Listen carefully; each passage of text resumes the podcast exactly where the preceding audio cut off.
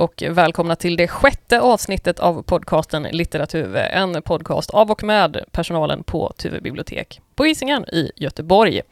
Och I den här podden så pratar vi som jobbar på Tuve bibliotek om vad vi har läst, sett, hört eller spelat sen sist. Och så bokcirklar vi i poddformat. Det är fredagen den 26 maj när vi spelar in det här avsnittet och jag som programledare, jag heter Judith Vidén och jobbar som vuxenbibliotekarie här i Tuve. Och jag är ju som vanligt inte ensam här i studion i källaren på Kulturpunkten. Mitt emot mig så sitter min kollega Jörgen Andrén. Hej hej! God morgon. Ja, god förmiddag kan vi väl säga. Absolut. Och till vänster så sitter vår kollega Filip Yusufovic. Hej hej! Hej, god kväll. vi jobbar med lite olika dygnsrytm idag känns det som. Det blir härligt. Bra. Avslappnat. Vad ska du prata om idag Jörgen? Men idag kommer jag att prata om Carolina Ramqvists bok Bröd och mjölk. Den var väldigt bra kan jag säga nu. Så det kan nog bli ganska mycket navelskådande idag för att jag lärde mig någonting om mig själv när jag läste Karolinas bok. Underbart! Lite självrannsakan. Mm. Det blir fint. Vad ska du prata om idag Filip? Jag ska prata om eh, resereportaget Alla monster måste dö eh, från Nordkorea. Toppen! Mm. Ja, knyter ju an också till våran bokcirkelbok Smugglarna från paradiset och Henrik Sjöberg som var här på besök. Eh, ja, och jag ska prata om att leva med en ständigt växande läslista och ett trick som jag då använder för att ta mig igenom tjocka böcker. Men först så vill vi också bara säga att tack till alla er som kom på författarsamtalet med Henrik Sjöberg. Det blev superlyckat. Verkligen. Verkligen. Och tack till alla er som har hört av er med glada tillrop efter vårt specialavsnitt som Henrik var generös nog att vara med i. Och om ni inte har lyssnat på avsnittet så finns det i poddfeeden och på bibliotekets hemsida där du hittar alla våra tidigare avsnitt.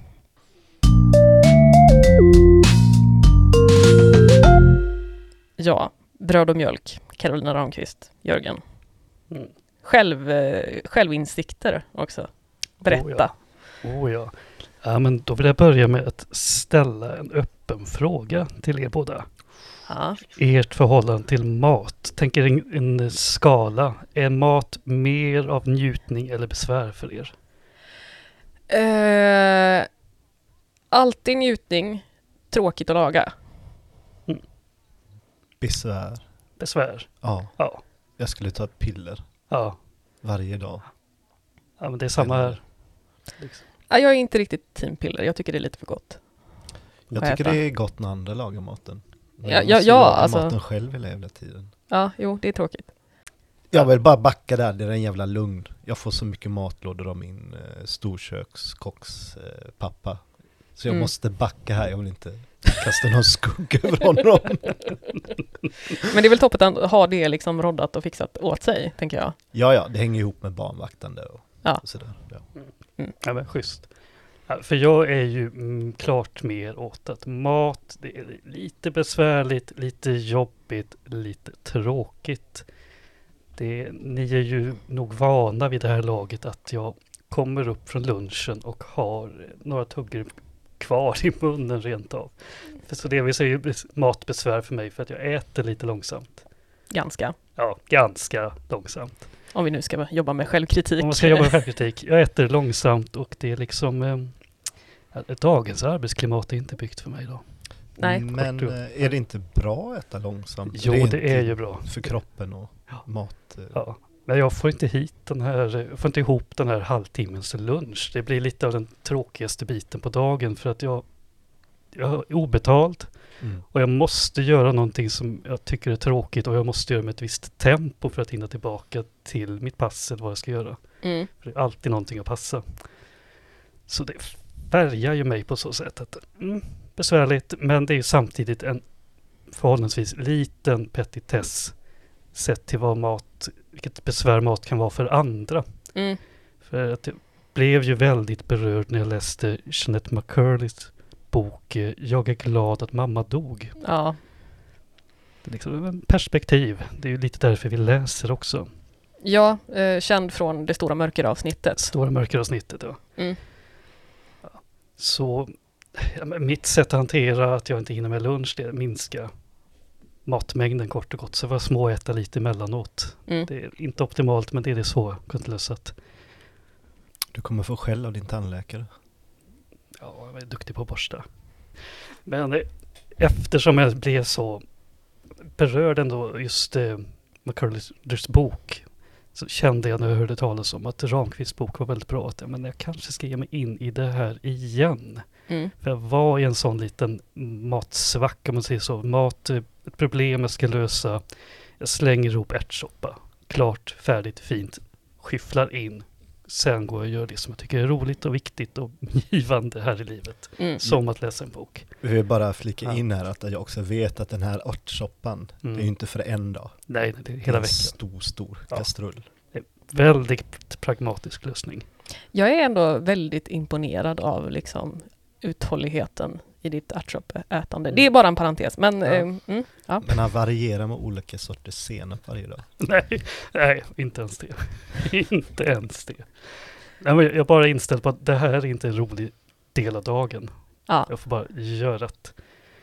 Men vad som är då i Ramqvists bok Bröd och mjölk, det är ju det är fortfarande en skildring om hur mat kan vara problematiskt. Det finns aspekter av ätstörning i den här boken. Ja. Men det är också väldigt mycket en hyllning till mat. Det är eh, väldigt fina beskrivelser av minnen och människor och mat. Mm.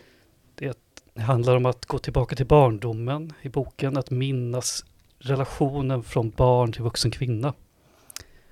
Och eh, hur hon får ett särskilt band till vissa maträtter utifrån sitt umgänge med mormor och morfar. Och det är bara toppenfint. Mm. Jag kan säga det nu, det är en bok som jag vill rekommendera för alla för att den, den har sådana fina, fina bitar. Och svärtan är inte fullt så drabbande som kan vara i andra skildringar. Mm. Och det är faktiskt så fint i Ramqvists bok att jag ibland glömmer att det är inte mig själv jag läser om utan det är någon annan. För sättet hon väcker minnen till liv i boken, det väcker mina minnen också. Det är ju ett jag-tilltal Ja. och tror det är mycket sånt som människor kan relatera till. Man har något speciellt minne allesammans av en måltid eller en viss typ av mat man alltid äter vid ett tillfälle. Ja. Mycket mat och tradition som vi kan känna igen från samtal om julen exempelvis. Så att de här rätterna de har hängt med ett tag och man vill äta dem igen för att knyta cirkeln på något sätt. Att nu är den här tiden igen och vi sitter här igen tillsammans och vi äter det här igen. Mm. Så hon väcker minnen i mig som jag inte riktigt kommer ihåg att jag hade glömt. Mm. Jag börjar minnas mormors eh, semmelbullar som hon bakade själv och de dofterna för att Ramqvist kanske skriver om eh, risgrynspudding exempelvis som hon fick hemma hos sin mormor. Mm. Vet ju inte om den här boken är självbiografisk, jag bara påpeka. Men person, personen, kvinnan vars minnen om relation till mat vi följer, Mm. det, det väcker mycket i mig. Och en sak jag totalt hade glömt bort och som är jätte, jättefin i den här boken. Det är huvudpersonen ser tillbaka till sig själv som barn och hur hon lite lekte när hon åt. Så då pratar inte om att leka med maten, slänga den eller så. Nej. Utan bara sättet man som barn äter någonting. Hon beskriver hur hon knaprar på en morot så att det är bara innersta biten som är kvar. Ja. Och det väcker minnen i mig, ja men visst tusan, ett Mariekex. Man satt ju åt bort vissa bitar för att det blir roliga mönster, man åt bort en bokstav. Ballerinakexen. Jajamän. Ja. Lingonen i frukostgröten ja. och de olika vattenrutschkanor med mjölken. Oj, den. Vattenrutschkanor. Mm. Ja, ja, du, ja, ja, avancerade Ja. byggen alltså. Ja. Fyra plan ibland. Olika sådana här. Vi fick lägga det på, det är ett sån här kakfat i olika Mm. våningar. För att jag skulle kunna bygga. Nej, men. Jajamän. Schysst. Ja. Det är Ja. nog det mest avancerade jag har hört. Ja. Det är inte skit, totalt skitsnack såklart. Men, ändå. men det är vackert, det är vackert bild. Ja. Mm. Så då liksom när lingonen åker rutschkana så leker man att man är ett monster som äter upp det kanske. Det minns jag faktiskt inte. Jag minns mest lingonen som åker Ja. runt i kanalen liksom. Mm. Ja. Ja, men, ä- äta en bulle så att man har bullfilén kvar, för den är ju den godaste. Ja. Liksom äta runt en bulle, inte liksom rätt upp och ner. Ja, men precis. Är bullfilé en vedertagen term? I vårt hushåll är det. Mm. Sen incidenten då min man stal min bullfilé när jag erbjöd honom en tugga, då blev jag... Det, det, det, det är tio år sedan. Mm. Det sitter fortfarande hårt. Man stjäl inte någons bullfilé. Mm. Men du vet precis vad jag menar när jag säger bullfilén? Ja, ja, ja, Ja, absolut. exakt. Ja. Och för de som då inte har ett överintresse för bullar, det är alltså mitten av bullen som är gött, där det är mycket fyllning. Mm. Ja, men. Ja, men jag hör, ni har ju det här också, minnena. Och då började jag sätta mig själv i kontext när jag, när jag insåg att jag hade glömt hur jag själv hade roligt med mat på ett sätt. Eh, Just lek med i akten att äta. Jag vet inte vart infallet kom ifrån, men jag bara började tänka på hundar och hur man pratar om att vissa hundar, vissa, även vissa hundraser, är mer matmotiverade och andra kan vara mer lekmotiverade. Mm.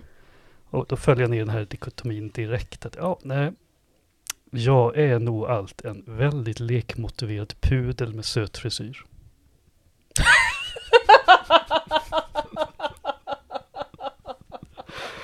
ja, men ni skrattar, men jag kände där och då att ja, men det, allt det här stämmer. Ja, men tusan, mat, lågprioriterat, lek däremot, där har vi någonting. Mm.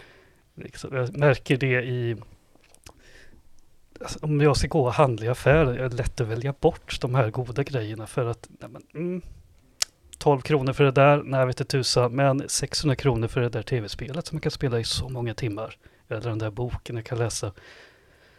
Bara där en prioritering direkt som jag märker går lite stick i stäv med min partner ibland. Mm.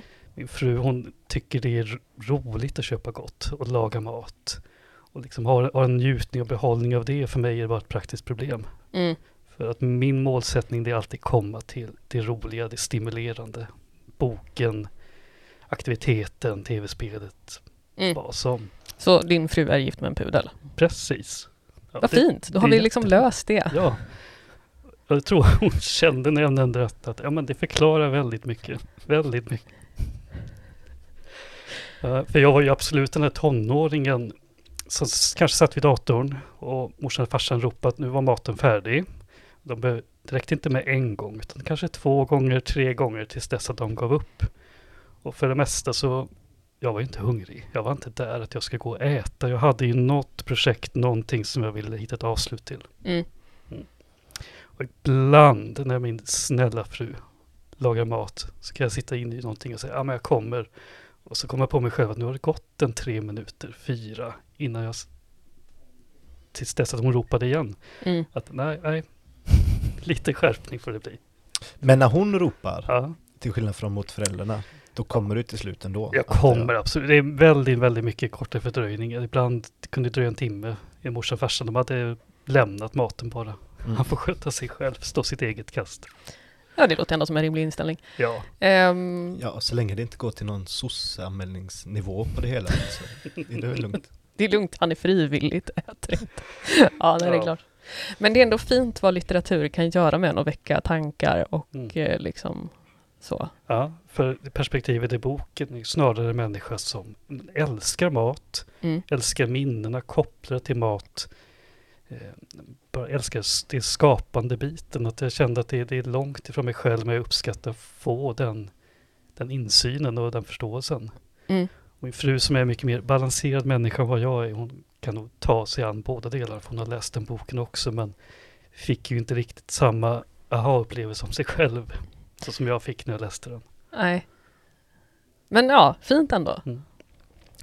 Och jag vill kanske som en liten avslutning bara skicka en liten hyllning till min fru just för att jag insåg när jag började tänka kring mig själv som en lekmotiverad hund att den maträtt eller en typ av maträtt som hon gör, det är alltid väldigt snabb på att komma till bordet. Det kanske inte har så mycket med smaken att göra, men det är för det mesta det asiatiska och det japanska som hon lagar hemma för hon tycker om den matlagningskulturen. Och en in- aspekt där skiljer sig från mitt pragmatiska ärtsoppevulvande, du vet, jag slevar mat. Det är mekaniskt. Men i det asiatiska så kör vi alltid pinnar hemma. Och det är så mycket roligare. Det är dynamiskt. Ja. Jag plockar någonting där. plockar någonting där. Jag är ständigt stimulerad, ständigt på väg med någonting annat. Jag sitter och äter min eh, chili con carne eller vad det är. Så bara slevar jag för att jag ska komma vidare i livet.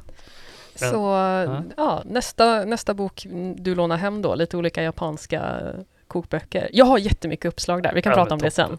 Toppen. Jag vill bara tack min fru Johanna för att du lagar så rolig mat till mig. Och jag snokade lite i hennes eh, samling, böcker som hon lånat hem från biblioteket som jag märker att hon lånar ofta. Så att till hennes ära så vill jag säga att ni som vill skapa sån här rolig mat som tilltalar personer som mig, då ska ni läsa Japanese Home Cooking, Simple Meals, Authentic Flavors av Sonoko Sakai. Ska även läsa de här två andra svenska titlarna. Vok, ris, nudlar av Jenny Valdén samt Koreanska grytor av Gustav Kylberg. Mycket bra tips. Mm. Så ta hand om era hundar där hemma, även om de är tvåbenta.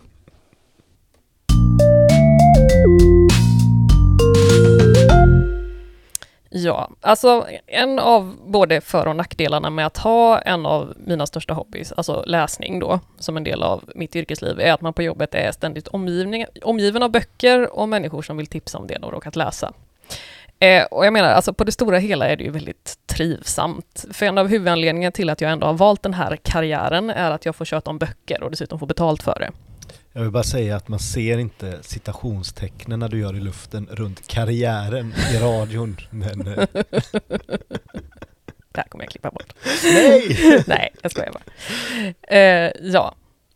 Ehm, och jag får ju ändå då ofta ganska, ganska ofta prata om att ha det här brinnande intresset, läsning och litteratur. Men det finns ju en liten baksida med att ständigt vara omgiven av böcker. För man blir ju sugen på att läsa och man får en massa tips från låntagare och kollegor. Så listan av böcker som man vill läsa växer fortare än vad man hinner beta av den. Mm. Det kanske ni också känner igen. Mm, de nickar in sig. Ja. Men jag har inte längre någon ångest gentemot böckerna som man kunde ha förr. Mm. Känna skam inför att inte har läst den som jag borde läsa. Liksom. Ja men precis. Det, ja, för det är ju det här att, för att historiskt sett för mig så har det här med att ha den här ständigt eh, växande listan med titlar i huvudet eller avfotade i telefonen eller nedskrivna i anteckningsfunktionen då varit ett skitstort stressmoment för mig. Så. Och just det här också, källan till mycket ångest. Så här, jag borde läsa. Jag är en dålig människa. Källa till att piska på sig själv liksom. Mm. För att, och det är också det här att känna med att man inte mäktar med den här läslistan, det har ju också varit ett ganska effektivt sätt att döda all läsglädje. Eh, För det är ju inte så kul att liksom läsa när man känner att man måste. Verkligen inte. Nej. Och dels så är det ju i ärlighetens namn ganska tråkigt att efter en utläst bok mest känna lättnad över att man är klar. Att oh yes, nu har jag liksom ändå, nu, nu har jag dämpat ångesten lite grann. Det är ju inte så, det sprudlar ju av läsglädje i det. Så. Ja, nej. Men nu under våren i alla fall så har jag mer och mer kunnat släppa den här tanken på den ständigt växande läslistan. Och det har väl egentligen, egentligen inte varit någon sån här speciell händelse som har fått mig att tänka om. Men jag har egentligen nog bara börjat acceptera att jag aldrig kommer kunna ha en helt tom läslista. Liksom. Och det i sig har ju varit ganska förlösande då. Och sen har jag börjat med en helt ny approach till läsning. Istället för att spara på böcker som jag då får tipsade om, eller halkat över på jobbet, så har jag börjat läsa direkt. Så. Den, här, den här tycker jag du ska läsa. Bra toppen, jag tar den. Yes, nu kör vi. Så. Det är jättebra. Mm. Väldigt mycket yes man. Ja, jag Så. gjorde faktiskt också det ett tag. Ja. Men eh, lyckades Det var- inte hålla i det. För att till slut blir det för mycket. Jo, jo, men jag tänker så här, bara, ah, mm, ja, men jag tänker det är en approach i alla fall som jag håller på att jobba med nu i alla fall. Och jag läser ju ändå ganska fort sådär, så att jag tänker att det, jag får liksom ta, ta boken och springa och gömma mig någonstans innan någon hinner komma med något annat tips kanske. Det finns många små skrymslen här i källaren. Det finns det ju, Det vilket finns jag, rum ni aldrig hört talas om. Vilket jag upptäckte igår när jag skulle guida input rätt till två trasiga stolar. Irrade runt här, fick ringa dig. bara, var är de? Gå förbi mögelrummet, gå förbi trumrummet. Ja, det är alltid spännande att jobba här. Eh, ja, men det här också då med att jag börjat läsa böcker direkt då, det har i sin tur då fått mig att börja läsa böcker som jag haft på läslistan. För att de dyker ju också upp där i, i, i sitt liksom flöde efter ett tag. Så att nu är vi egentligen framme vid mitt boktips då för dagen. Och ehm, jag kom i kontakt med författaren och journalisten Magnus Westerbros skrivande Sommar 2018. Eh, ni minns den säkert, det var sommaren när det var sådär vidrigt apokalypsvarmt. Mm. Mm. Och att just läsa boken Svälten, hungeråren som formade Sverige, kändes ju lite apokalyptiskt där och man, det fanns många paralleller att dra där.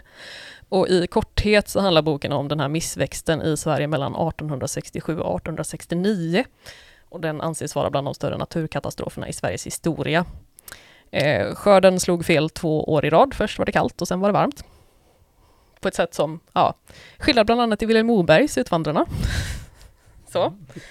Eh, och det är det här, Västerbro berättar genom en enskilda människoöden om effekterna av missväxten då som förstärktes av politiska felbeslut och misstag. För att makten anklagade de svältande för att själva orsakat sin nöd. Liksom. Eh, och svälten som följde anses ju då vara startskottet för massimigrationen från Sverige till Nordamerika. En av de stora i alla fall. Eh, och Magnus Westerbro vann 2018 då Augustpriset för bästa fackbok. Och den är riktigt bra, alltså det är ju inte upplyftande. Absolut inte. Men den är fruktansvärt intressant. Och det är nästan som att läsa en deckare, för man sugs in i det här historiska skeendet genom att man får följa enskilda människors öden. Eh, så. Och jag tycker det är ett ganska sympatiskt och intressant grepp att inte låsa sig på ett sätt för mycket vid det, bara det stora skeendet, utan att låta enskilda öden få ta plats på ett sätt som gör att liksom, man känner nöden under bara skinnet någonstans. Mm. Så det är, ett, det är ett kul grepp. Eller kul och kul, men ja, ni fattar vad jag menar.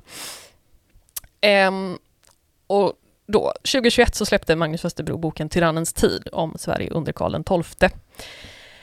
Och det är nu vi har kommit fram till det här avbetandet av läslistan, för Tyrannens tid har legat på min läslista sedan den kom då, för två år sedan. Men jag hade fram tills för häromveckan då inte läst den, just på, för att jag har känt mig stressad över läslistan. Och så dels på grund av ämnet, inte så jättekul att läsa om envåldshärskare alltid. man behöver vara i ett viss sinnesstämning för att kunna ta sig an det. Så. Fast om man läser om Nordkorea är det ganska underhållande. Ja, det, det kan det ju vara. Och det kommer vi ju komma till sen i bokcirkeln. Men eh, jag vet inte, det har tagit emot liksom. Och dessutom då, till den här bokens stora nackdel, den är ganska tjock. Det här är ju en usel, usel ljudmedia, men ni ser här, den är ju ganska massiv. Eh, 448 sidor. Och till det då så följer 60 sidor med bara källhänvisningar och eh, personregister. Så. Som du har läst i, lusläst. Jag gjorde ju det till slut, Du gjorde, alltså, med källhänvisningarna i alla fall. det? Jag var intresserad, herregud. är plus i kanten. tack. Guldstjärna. Tack, tack. Det är bra att veta att man är duktig. Men jag kom på då ett trick här. Ni ser, den, den är ganska otymplig i sin storlek. Den är lite storformat här. Ehm, för att jag läser ju en del e-böcker i telefonen. Ibland tycker jag det är en nackdel för att det rent fysiskt är svårt att ha koll på exakt var man befinner sig. Det är ju betydligt enklare på ett sätt att läsa en fysisk bok för du vet att ah, men nu är jag halvvägs, jag har hälften kvar. Men med den här lilla tegelstenen så blev det faktiskt en fördel. Liksom. Det var gött att inte riktigt veta hur långt det var kvar att läsa. Så man kunde bara förlora sig själv. Det var svin-nice. Eh, plus att jag sparade mina handleder då, som Ja. jag nu håller på att knäcka, som att jag sitter och viftar med Lägg boken. ner den här, det är fredag och löning. Skada inte dig själv. Ja, nej, precis. Nu ska vi tänka på ergonomin. Jag lägger den här boken. Men Tyrannens tid då har ungefär samma modus som Svälten. Vi får följa ett avgörande skeende i svensk historia, skildrat i mångt och mycket genom enskilda människoöden då. Eh, vi får följa både Karl XII själv, fast han är ändå lite som en bifigur. Han är där och lurar i bakgrunden som en eh, gammelgädda, liksom att man vet att han finns där och kommer hugga när som helst, liksom på något av det som händer, men man vet inte när. Om man nu inte är superkoll på Karl XII liksom.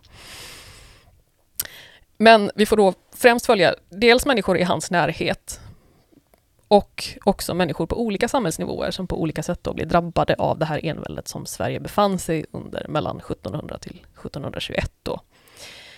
Eh, och Västerbro leder genom skeendet i bevis att Sverige under Karl XII styrdes av en tyrann.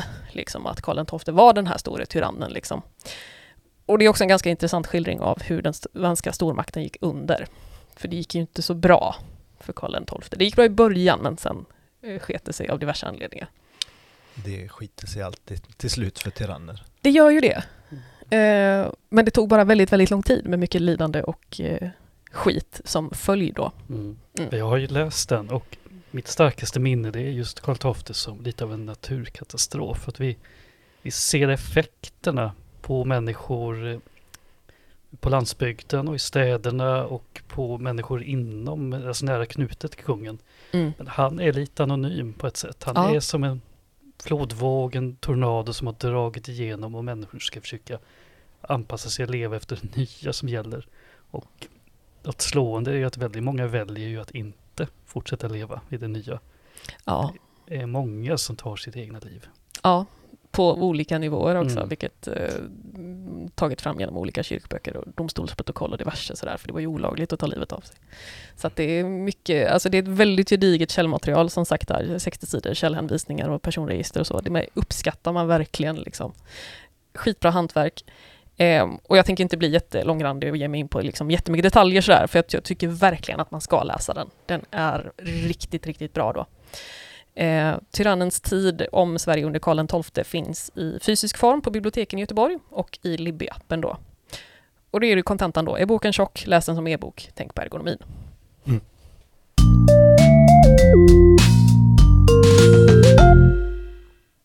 Ja, Nordkorea, Filip. Det har ju varit på tapeten nu i och med att vi har haft besök av Henrik Sjöberg också. Ja, och faktiskt den här boken som jag har läst har varit på tapeten under en längre tid för mig. Alltså? För vi har ju en vagn i våran entréhall där våra låntagare och allmänna besökare i huset kan lämna sina gamla böcker. Mm. Och så kan man plocka på sig eh, det man vill ha därifrån gratis. Och eh, jag fick tips, jag vet faktiskt inte riktigt hur, av en av våra besökare som är här, ja, i princip en gång i veckan som vi brukar prata med. Hon är väldigt trevlig. Mm. Och eh, tipsade om den här boken när den låg på vagnen när någon hade lämnat den här i pocketformat och sa den här borde du läsa. Så den har legat i min läshög, Mm. apropå böcker som blir liggande hemma väldigt länge. Mm. Eh, Ska jag nu avslöja en grej? Mm. Det är jag som har lämnat den där. nej, Jo, ja men då Oj, så. Intrigen. Oj, oj, oj. Hur Rensade- länge planerar du detta? Eh, nej, det var inte superplanerat. Jag rensade hemma vid, i samband med flytten. Och så har jag i omgångar tagit med mig lite olika böcker som har gått Just det, det här Mm. minns jag. Och vilket också säger att den har inte legat så länge hemma som jag tänkte att den hade gjort. Ja, nej, det. Men det, det, är jag som är skyldig. Tack så mycket, Ja, för den var väldigt bra. Mm. Eh, och eh, så att när jag kände så här, ja, nu, nu ska vi ha eh, Henrik här, vi ska läsa hans roman om eh, Nordkorea. Eh, då vill jag ju läsa någon fackbok, någonting om Nordkorea, någonting kopplat till det här. Och Mm. då tänkte jag, ja men då passar jag på att läsa den här, det blir ju toppen. Mm. Eh, och den heter Alla monster måste dö. Gruppresa till Nordkorea, ett reportage. Skriven av Magnus Bertås som är konstnär och konstvetare och Fredrik Ekman som är författare och kompositör. Så den har jag läst och som jag sagt till er, någonstans eh, kommer jag väl på dock att fan, det här är ju ungefär exakt det vi har pratat med Henrik om redan. För det Mm. är ju det här sättet man reser på som västerlänning i Nordkorea är ju gruppresa. Mm. Och mycket som de har gjort eh, i den här boken har ju Henrik också gjort. Så det har vi lite pratat om. Det blir lite kaka på kaka. Men om man vill liksom fördjupa sig, om man lyssnade på Henrik eh, avsnittet och vill fördjupa sig i eh, Nordkorea gruppresornas förlovade värld. Precis. Då är den här ett superbra tips alltså, för den är väldigt bra. Eh, det är ju de här två, eh, Magnus och Erik, nej Magnus och Fredrik, förlåt. Eh, och sen ett blandat eh, gäng människor, bland annat någon eh, rysk kemist som tar massa vattenprover. Det är typ tre brats från eh, Stockholm, det är två värmländska typ jordbrukare tror jag. Det är någon ganska ung kille som verkar ha läst in sig liksom på allt om Nordkorea innan. Så att det här är väl liksom sista stadiet i hans, eh, jag vet inte, Nordkorea psykos eller eh, specialintresse liksom att Ja. åka dit på plats. Eh, så att det handlar om det här gänget och deras två guider då, en man och en kvinna, för att precis som Henrik pratade om, de får ju inte vara ensamma med västerlänningar utan ska ju vara två. Någon som har koll eh, på den andra sådär. Som Mm. kan eh, ja, gola ner dem om de beter sig olämpligt. Ja. Eh, och upplägget i den här boken är väl att de reser runt på olika platser eh, och det de gör i boken varvas med historia om både Nord och Sydkorea, vilket är superintressant. Samtidigt så vävs det också ihop med eh, två personer som jag ska försöka uttala rätt. De heter Shao Yong-hee, eller även kallad Madame Choi, som är en superkänd sydkoreansk eh, skådespelerska. Mm. Och hennes eh, ja, exman slash man, den kända regissören Shin Sang-ok. För att de här eh, personerna, de har spelat in massa filmer, de är kändisar. De har varit gifta, de har 1976 skilt sig Okej. på grund av hans otrohet. Jag tror det är lite unga som dyker upp som inte kanske hon, frugan, hade önskat fanns så.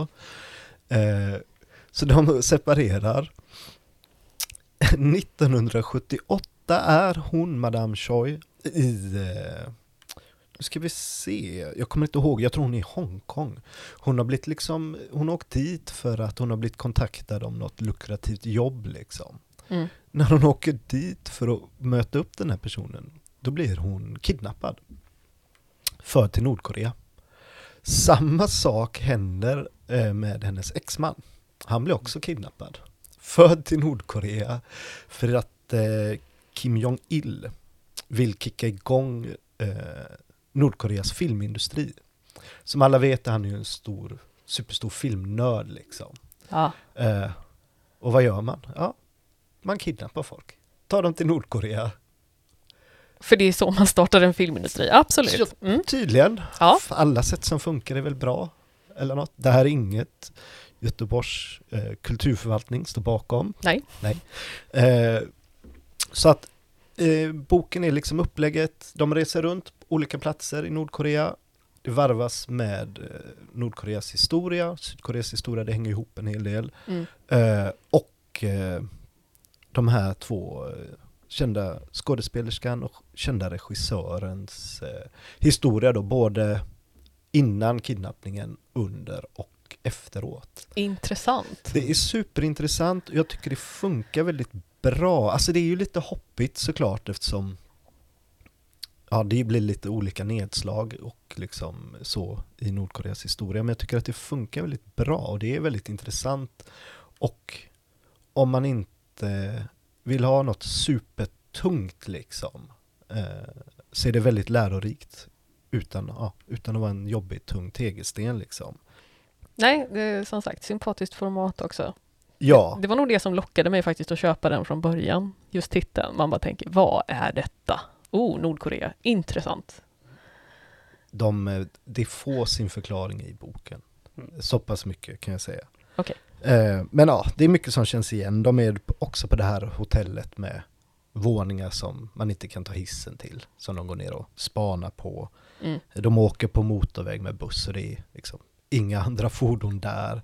De är på den här stora stadion, jag tror den heter första maj-stadion. Plats för 150 000 människor. De kollar på de här Arirang-spelen tror jag det kallas. Mm. Som är, det är väl någon gymnastiska uppvisningar eh, uppblandat med de här gigantiska typ tifo-grejerna. Ja. Eh, ja, det är lättillgängligt, absurt och, så, och det är ju väldigt underhållande. Alltså jag tycker, om man inte, om man bortser från det här enorma mänskliga lidandet liksom eh, och arbetsläger och svält och liksom allt sånt så är det ju jätteroligt. Alltså allt det här absurda liksom eh, förnekandet av saker som alla ser men som inte passar in i bilden man vill måla upp. Mm. Och du vet att man bara väljer ett så här. Det är som kejsarens nya kläder fast i stadsformat. Ja men precis, jag vet inte om Henrik pratade om det här i podden eller på sitt föredrag sen. Det här med, det är något, det är alltid snö på det här, den här bergstoppen liksom. Och de bara, men vi ser ju att det inte Någon snö där, jo jo. Det är alltid snö på toppen. Och apropå det här med saker som finns då, att jag alltid måste koppla tillbaka till tidigare böcker så hade ju Kim Il-Sung en väldigt stor buld på sin hals de sista åren av sitt liv. Eh, som inte gick att operera bort, den var för nära ryggraden och för nära hjärnan. Mhm. Eh, och det var ju också en sån sak som bara förnekas, den finns inte där, vilken buld, vad pratar ni om? Och i boken beskrivs den som att den är stor som en apelsin. Vilket- Apelsinmannen. Ja. Kim Il-Sung kan ha varit apelsinmannen. 1950 tror jag att de lanserar en offensiv mot eh, Sydkorea, va? Starta Koreakriget. Ja. Men jag tänker att någonstans där så kan han ha haft tid till att vara i Stockholm och langa förgiftade apelsiner. Skitsamma, vem vet? Det är inte omöjligt.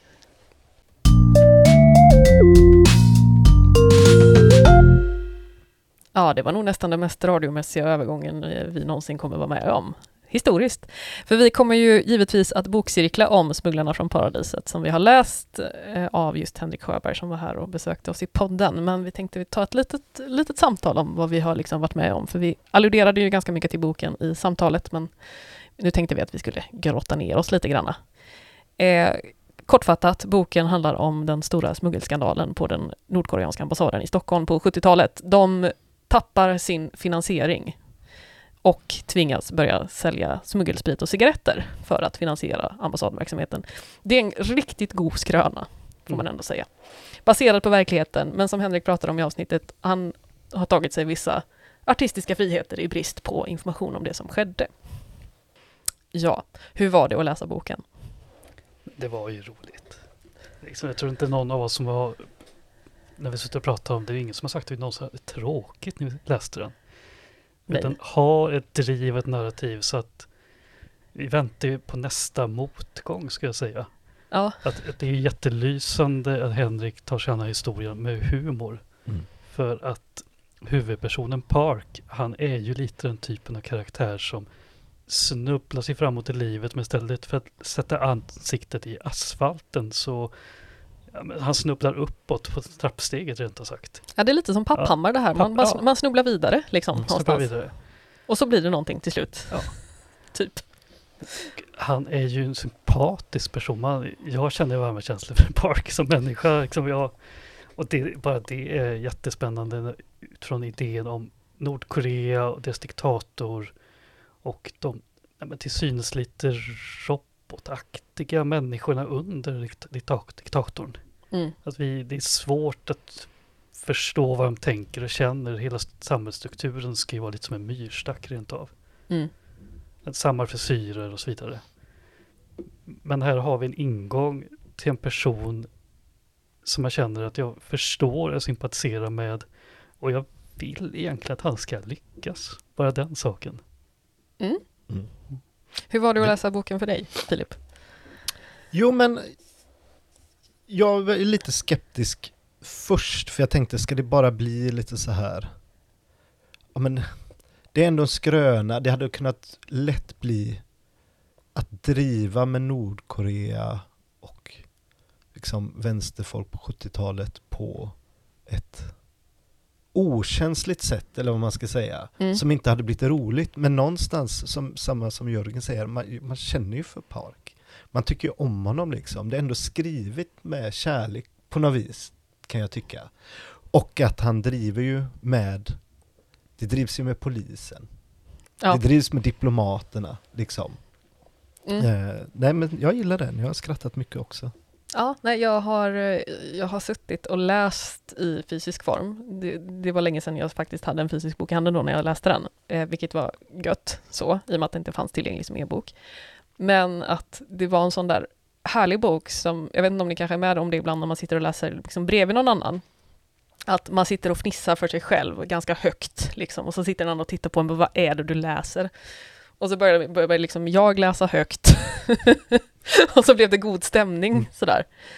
Ehm, så att det, det, var en väldigt härlig upplevelse bara av att sitta och läsa. Liksom. Så, och så just att handlingen är så kul och snyggt gjord liksom någonstans. Ja. Jag har skrivit upp det, det som jag tyckte var det absolut roligaste var när vår kära Park, eller Park, har läst eh, om personalvård i tidningen Arbetarskydd. Där forskare har kommit fram till att den psykiska arbetsmiljön är lika viktig som den fysiska. Och nu har de kommit igång med smuggelverksamheten liksom, så de har lite pengar över. Han har också kränkt av lite av de här presenterna slash mutorna de får från direktörer som vill att de ska öppna en eh, ambassad i Pyongyang. Så Mm. Men i den här tidningen Arbetarskydd så uppmanas man att minst en gång om året erbjuda personalen att under otvungna omständigheter umgås utanför arbetsplatsen. Vilket ju de såklart hakar på. Och Margit har massa idéer liksom, så de sätter igång med femkamp på Gröna Lund och liksom lunch i Kaknästornet. Jag tycker det är så himla fantastiskt fint. Ja, men det, ja. Mm. ja, jag vet att jag skrattar åt det jättemycket. Alltså, jag tror min favoritscen är absolut när det här... eh, Jag kommer inte ihåg vilka det är som tar sig in på ambassaden, men de sitter i skiten och så kommer det liksom det öst, Han lyckas skicka iväg ett SOS liksom eh, till den östtyska, eller ryssarna också sådär. Ja. Så kommer de in med ett SWAT-team där och liksom klipper Mm. de som håller på och tjafsar liksom. Och han liksom, ja, stressar väldigt mycket. Han mår inte så bra. Nej, jag, jag vet att jag satt och skrattade så jag grät i alla fall. Det var toppen. Motorcykelgänget där Ja, just det. Mm, mm, Som inte var glada över att de sålde svartsprit. precis. Ja. Eh, ja, jag tycker också det är väldigt snyggt och vi var ju inne på det när vi pratade med Henrik att det här är det utspelar sig ändå ganska förhållandevis lång tid jämfört med liksom en konventionell roman. Mm. Utan man, det är över flera år och man gör små nedslag. Det tyckte jag väldigt mycket om. Liksom, att Mm. få följa ett längre skeende fast i skönlitterär form. Det, det, jag kan inte komma på liksom, när jag gjorde det sist på det sättet. Visst, det finns ju sådana här liksom, historiska romaner som utspelar sig över jättelång tid, men liksom, det var ganska länge sedan ändå som man ändå kände att okej, nu är vi här ett par år och liksom bara får götta i Mm. Det är jätteintressant faktiskt för att eh, Henrik skyndar ju sig inte till den här stora händelsen, vill säga smugglingen. Nej. Utan eh, stor del av boken är ju bara etableringen, försöka förstå samhället och där kommer ju sådana karaktärer som Margit in som att, och även Ulla i eh, tobakskiosken. Mm. Att mycket av humorn och den, den förståelse jag får för Park och för hans kollega Kim. Mm. Jag tror det kommer mycket där vi hinner bygga så pass mycket relation och eh, sympati för dem. Att när smugglingen väl ska dra igång, de är ju inte de här hårdhudade bovarna man lätt kan tänka sig att de är. Och det är lite humor där också. att De som hjälper till med smugglingen, där har vi tuffa tuffingarna. Mm. Men här har vi den här lite veka konsulaten med sin svenska sekreterare som är närmast i pensionsåldern. Mm. Och det är roligt om man känner med just för att det har fått vara. Man har fått ta så mycket plats av bara livet på ambassaden innan de kommer till den här kritiska punkten att de måste börja smuggla. Ja. Kan rekommendera boken varmt till alla som någon gång har läst typ Arto Pasilina och gillat det. Det är lite Mm. samma stuk. Eh, Helt med. Och sen, ja, jag är lite så här, jag vet, vad känner ni om slutet? Jag var lite så här, okej nu blir det lite, lite väl mycket kanske, för det Bergman är ju lite halvt om halvt kidnappad. Just Eh, och sådär. apropå det du pratade om, kidnappade Ja. skådisar och regissörer. Ja precis, och så sätt så Knyter det an. knyter det an.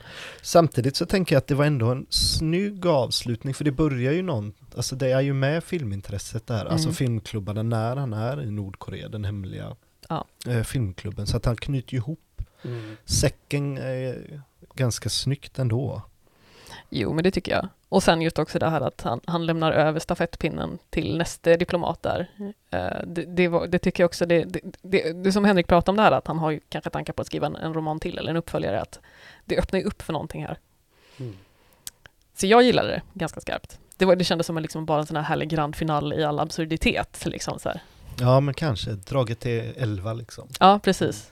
Lite Spinal Tap-stämning bara. Nu drar vi upp Mm. förstärkaren så långt det går. Jag hade kanske, om jag hade varit redaktören till detta, kanske föreslagit att man skulle korta ner lite grann för att få det lite tajtare. Jag kände det blev, det blev en liten, eh, man gick upp, det blev spännande, spännande. Eh, Det löste sig och sen kom det här Bergman-partiet och det är fortfarande roligt men jag börjar känna mig lite mätt där och då vill jag minnas när jag läste det. Mm. Så ja, jag vet inte hur jag skulle föreslagit på hans sätt. Men kanske kortare, tajtare, få in Bergman i det hela. Vad hade hänt om Bergman var på ambassaden samtidigt som motorcykelgänget kom? Liksom, vilken soppa hade det varit? Ja, nej, jag, jag gillar det ändå. Liksom. Jag tycker det är superkryddigt och härligt att det får ta lite egen plats. Men eh, ja, På tal om tycke och smak. En sak vi var nyfikna på. Vi vet ju att från Philips eh, bokcirkel. De var inte så förtjust i det här för omslaget på boken som vi alla här under sånt älskar och tycker är toppen. Ja. Och vi pratar ju om med med Henrik också, vi vet inte riktigt varför. Vi ser inte problem med detta. Så jag eh, pratar lite med vissa av dem för att höra, men vad, vad, vad tycker ni om omslaget? Vad, vad är det som sticker? Och jag tror det kan vara just en generationsfråga, att de kände att nej men det här med Sovjet, Röda Stjärnan och de grejerna, det, det sitter nog så pass negativt kopplat för dem att de tyckte att omslaget var lite mycket. Eh, En deltagare föreslog att men man hade kunnat ta en bild på två personer. Eh, Man ser bara deras ryggar eller bakhuvud och det är en svensk flagga och det är liksom en, en riktning till att en vink om att det är personer som ska lära sig om Sverige typ eller lära, lära sig leva i det svenska samhället, riktningen. mm. Men det är ju cigg och sprit med. Det är cigg och sprit, det, det är fräsigt omslag, jag gillar det skarpt. ja, ja, ja, Mm. ja, det är nog kanske en generationsfråga där. Jag, jag känner Det är en att- teori i alla fall. En teori. Jag, åter, jag berättar inte jättebra eh, deras tankar och åsikter, men det var lite den Okej. feelingen jag fick att det... De hade velat se ett annat omslag för att Röda Stjärnan, ciggen och spriten sticker kanske i ögonen. Mm. Men eh, Jag tänker bara så här, i relation till många andra sådana här, om man nu säger skrönor eller feelgood-romaner, så Mm. känns det här ändå liksom lite stilenligt. Så. oh ja. Jag ska inte Ja. nämna några namn här, Nej. men hade min syster varit här så hade hon kunnat dra en lång ramsa med författare. Mm. Kanske en potentiell gäst. Kanske en potentiell gäst, vi får se. Har de med sig cigg och sprit så är de varmt välkomna. Till efterfesten. Ja, ja. Ja. Nej, men eh, eh, Henrik Sjöberg, Smugglarna från paradiset, en toppenbok. Kan verkligen, verkligen rekommendera att läsa den.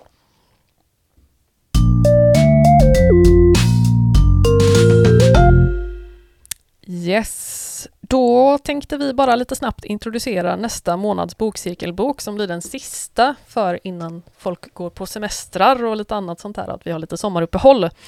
Eh, vi ska läsa Vem dödade min far av den franska ja, vad ska man säga, litterära underbarnet Edouard Louis, sociolog, författare allmänt eh, så. Eh, tänker inte prata så mycket om boken egentligen, utan jag, den är ganska tunn, eh, ganska drabbande. Den finns i Libby-appen, den finns i fysisk form på biblioteken i Göteborg och i Legimus. Ja, det kommer bli en, en resa. det kommer det bli.